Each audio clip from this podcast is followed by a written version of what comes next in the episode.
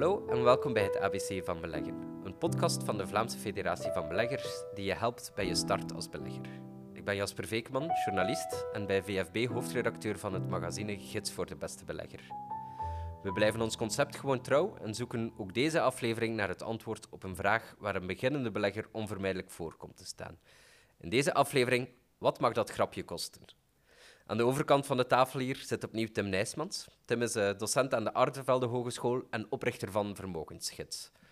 Tim, als ik, uh, als ik het goed heb, let jij bijzonder op de kosten bij beleggen. Nu, die, die claim ga, ga ik ze nog wel verder uitleggen, maar om te beginnen, doen beleggers dat eigenlijk te weinig, op de kosten letten?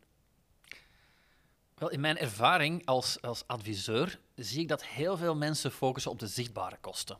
De, instapkosten, de transactiekosten, dingen die ze zien afgehouden worden van hun beleggingen, van de bedragen die ze investeren. Daar zijn mensen heel sterk op gefocust. En ik weet nog dat uh, toen ik werkte bij de private bank, dat er uh, klanten langskwamen en die heel trots zeiden van kijk, ik heb bij mijn grootbank uh, de instapkosten kunnen verlagen van 3% naar 1,5% en daar zeer trots op waren dat ze dat konden doen. Maar de jaarlijkse verborgen kosten, de beheerskosten, daar waren ze eigenlijk veel minder mee bezig. En die hebben het meeste impact. Ja, kan je dat misschien eens concreet maken inderdaad? Hè? Wat kosten, wat, wat doet dat eigenlijk met, met uw rendement? Wat, wat is de impact van kosten? Dus stel dat je bijvoorbeeld 10.000 euro gaat beleggen in een klassiek beleggingsfonds bij de bank. Dan kan dat makkelijk tot 2% per jaar kosten. En dat is zo'n 200 euro per jaar. Als je dat uitdrukt in euro's, is dat veel significanter. Als ik dan kijk wat sommige mensen tegen mij zeggen en wat ze onacceptabel vinden als de kosten voor een rekening bij een klassieke bank, de gewone zichtrekening, dan denk ik van ja, die kosten van bij beleggen zijn heel wat hoger. Dat is heel frappant dat mensen daar dan de link niet leggen. Het is natuurlijk ook niet alleen zo dat je 2% rendement per jaar verliest door die kosten, want dat gaat natuurlijk rechtstreeks van jouw rendement af. Maar het zijn ook alle rendementen die je zou kunnen gekregen hebben op die afgehouden kosten. En dat vreet echt aan het resultaat. Dat geeft op het einde, hè, na mogelijk tientallen jaren, gaan dat over, gaat dat over heel grote sommen. Ja, zeker op lange termijn. Al het geld dat je betaald hebt als kosten, is geld dat niet profiteert van de rente op rente en dat lange termijn effect van beleggen. En dat is een van de sterkste krachten van beleggen en dat wordt verminderd door die zware kosten. Voordat we wat dieper ingaan op hoe kan je kosten vermijden, want dat is of hoe kan je lagere kosten proberen te krijgen, laten we misschien een stapje terugnemen en, en een keer kijken, ja, welke kosten zijn er nu eigenlijk allemaal? Wat, wat betaal ik allemaal als belegger? Ja, bijna altijd zijn er transactiekosten. Dus in de vorm van makelaarskosten, courtages, instapkosten. Het heeft verschillende namen, maar meestal betaal je dat bij de inleg of bij de start van je belegging. En indien er niet zijn, indien er geen instapkosten of makelaarskosten zijn, dan moet je eigenlijk toch extra oppassen. Dat wil vaak zeggen dat de kosten in het product of in de transactie die je doet, dat je eigenlijk daar een grotere prijs voor gaat voor moeten betalen en dat dat de winstmotor gaat zijn van de bank. Naast transactiekosten zijn er de beheerskosten, waar ik het al over had. Hè.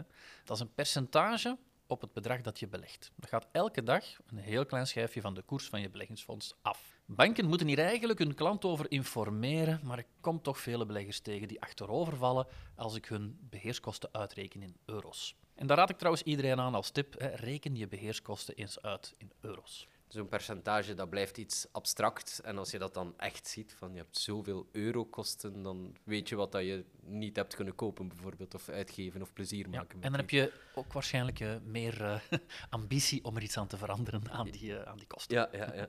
Laten we misschien eerst een keer stilstaan bij die transactiekosten. Hè. Je zegt dat is bijna bij elke belegging dat die, die voorkomen. Nu, wat zijn dat precies, die transactiekosten? En ook ja, vooral hoeveel bedragen die? Zijn dat vaste bedragen of zijn dat toch percentages? Dus als we spreken over de transactiekosten bij beleggingsfondsen, dan spreken we vaak over percentages. Maar bij beursgenoteerde beleggingen, zoals je een aandeel of een ETF koopt, dan gaat de broker vaak een bedrag in euro aanrekenen. Nu, dit bedrag verschilt wel naarmate de grootte van je order en de beurs waarop je handelt. Je betaalt in het normale geval betaal je veel minder voor een klein order dan voor een groot order. Okay.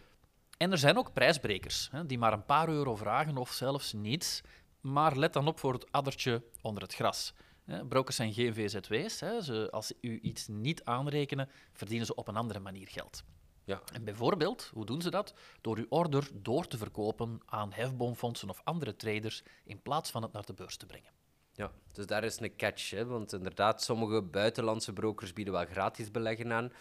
Maar gratis, dat bestaat niet. Dat we. Jammer genoeg. Nu, een andere kost die ik weet, die, die, die wel vaak wordt aangerekend, dat is het bewaarloon. Hè? Wat, wat is dat precies? Ja.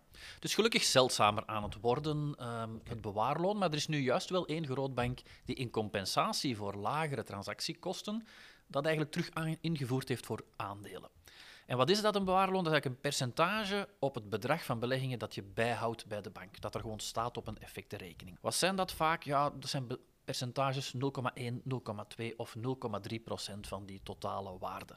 En dat tikt toch opnieuw weer aan voor het kostentotaal. Ik zei in de, in de intro al dat ik vermoed dat je goed op de kosten let. Ik zei dat eigenlijk omdat ik weet dat je een, zekere voorliefde hebt voor passieve beleggingsfondsen, ook wel eens ETF's genoemd. Heeft dat in de eerste plaats met de kosten te maken? Ja, dat speelt toch zeker mee. Hè. Dat is eh, een heel belangrijk effect op rendement. Dus bij ETF's heb je wel kosten. Dat mogen we natuurlijk niet vergeten. Je hebt de makelaarskosten bij je bank en broker om die ETF's te kopen en te verkopen. En ze hebben ook jaarlijkse beheerskosten. Maar, maar, die jaarlijkse beheerskosten zijn een fractie van wat ze aanrekenen bij klassieke beleggingsfondsen bij je bank. Dat gaat vaak niet over 1,5 of 2 procent per jaar, maar eerder over 0,15 procent of 0,20 procent per jaar. Een tiende van wat je bij je bank of je beheerder eh, moet betalen. En opnieuw, dus het geld dat je niet betaalt als kosten, blijft renderen op lange termijn. Het is niet eenmalig dat je moet zien, maar eigenlijk op erg lange termijn. Ja, rendement op rendement. Hè. En uiteraard zijn ETF's ook nog op andere vlakken interessant. Hè. Je koopt ineens een hele grote groep van aandelen, zodat je niet moet bezig zijn met de individuele ondernemingen. Ja. De verliezers verdwijnen automatisch uit de index, de winnaars komen er automatisch bij. Dat is eigenlijk goed nieuws, hè, want de gewone belegger is meestal heel slecht om zijn verliezen, verliezers op tijd te verkopen. Maar inderdaad, een van de belangrijkste argumenten voor die ETF's is zeker de kosten. Hè. Het klopt wel dat beleggen, eigenlijk, we hebben het daarnet al gezegd, hè, soms kan het bijna gratis, maar dus in het algemeen beleggen wordt goedkoper. Klopt dat? Ja, transacties worden goedkoper, hè, vooral transacties worden goedkoper, omdat online brokers en apps nu echt wel aan het, eh, verder aan het doorbreken zijn. En ook grootbanken zijn in België terug bezig met hun aanbod scherper te maken voor de aankoop van aandelen en ETF's. Dus dat is toch wel een goede evolutie. Er is een soort concurrentieslag bezig, eigenlijk ook om die belegger. Nee, maar als we dan de vergelijking maken, vooral met aan de overkant van de plas in Amerika, daar is het beleggen nog een, een pak goedkoper dan hier. Hè. Dat toont waar het naartoe kan. Ja, dat klopt. Natuurlijk, dat is een grotere markt, waardoor dat ze schaalvoordelen hebben, eh, maar ook minder reglementering. En dat is natuurlijk een, een prijs die we soms ook betalen als Europeaan. Ik had het daarnet beloofd, hè. we gaan ook proberen wat tips te geven hè, over hoe kan je nu die kosten zo laag mogelijk houden. Heb je een aantal goede leidraden die een belegger kan gebruiken om die kosten te drukken? Dus uiteraard hè, ga je, voordat je een broker kiest, toch eens een keer kijken naar wat zijn de transactiekosten bij elke broker. Maar weeg die natuurlijk ook wel af tegen de gebruiksvriendelijkheid en wat je juist zoekt. Maar een aantal concrete tips zijn niet te kleine bedragen beleggen per transactie. Dus let erop hè, dat je eigenlijk, ja, als de vaste kost, ik zeg maar iets, 7,5 euro is, dat je toch meer belegt dan 500 euro, misschien toch eerder dan richting de 1000 euro, zodat je die kosten ehm, onder controle kan houden. Een tweede tip is, let op voor de verborgen beheerskosten. En dat is zowel bij beleggingsfondsen als bij beleggingsverzekeringen. En een laatste concrete tip is, wat de Vlaming meestal niet graag doet, maar is onderhandelen met je bank over die instapkosten. En je dan toch voor een fonds gaat of een verzekering, kan je ook onderhandelen. Die zijn onderhandelbaar. Wel, uiteraard niet voor misschien de kleinste bedragen, hè, maar ik merk toch dat, dat eh, sommige mensen die een middelgroot vermogen hebben, daar eigenlijk weigerachtig tegenover staan. En ik hoor dan dat dat onaangename gesprekken zijn, maar dat zijn dan duizenden en duizenden euro's dat je kan besparen door een minder eh, gemakkelijk gesprek te hebben. Oké, is misschien wel de moeite, inderdaad. Ja, die kosten kunnen stevig oplopen, hè, dat is duidelijk. En, en een belegger kan zich daarop miskijken. Maar dan hebben we het eigenlijk zelfs nog niet eens over belastingen gehad. Hè. Ja, en eh, dat de, de beurstaks en zo, daar zullen we het een andere keer over hebben, denk ik. Hè? Ja, heb je misschien tenslotte nog een soort van gouden regel? Hoeveel, hoeveel mogen de kosten bedragen om het min of meer realistisch te maken dat je ze terugverdient? Hè? En dus dat je ook wel degelijk een rendement haalt op je beleggingen? Of hè, om af te sluiten met centrale vraag, hè, wat mag dat grapje nu eigenlijk kosten? Ik probeer toch zelf of, of als advies te geven dat je transactiekosten niet boven de 1% uh, mogen uitkomen. Dat kan je realiseren hè, langs de ene kant bij je broker, hè, bij je online rekening, om het bedrag iets groter te maken. Bij de bank kan je dat realiseren door te onderhandelen, hè, van, van 2-3% instapkosten tot uh, 1%.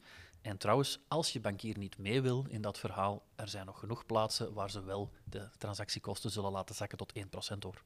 Oké. Um, afsluiten doen we altijd met wat lessen die we zeker moeten meepakken. Je moet absoluut opletten voor de kosten. Ze kunnen een heel pak van je rendement wegvreten.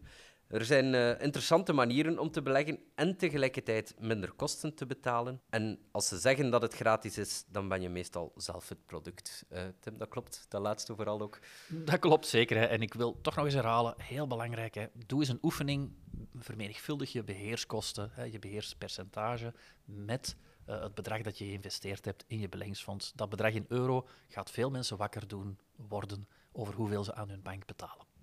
Oké. Dan rest mij gewoon nog te zeggen dat we de volgende keer alweer ingaan op een belangrijke vraag voor beginnende beleggers. Hoe ga ik om met verlies? Meer informatie over beginnen met beleggen vind je op onze website www.vfb.be. Daar vind je ook de eerste reeks van deze podcast trouwens. Vragen of reacties kan je kwijt via info.vfb.be. Vind je deze podcast leuk of ken je andere mensen die graag willen beleggen? Stuur hem dan gerust door of deel hem via sociale media. Tot de volgende keer.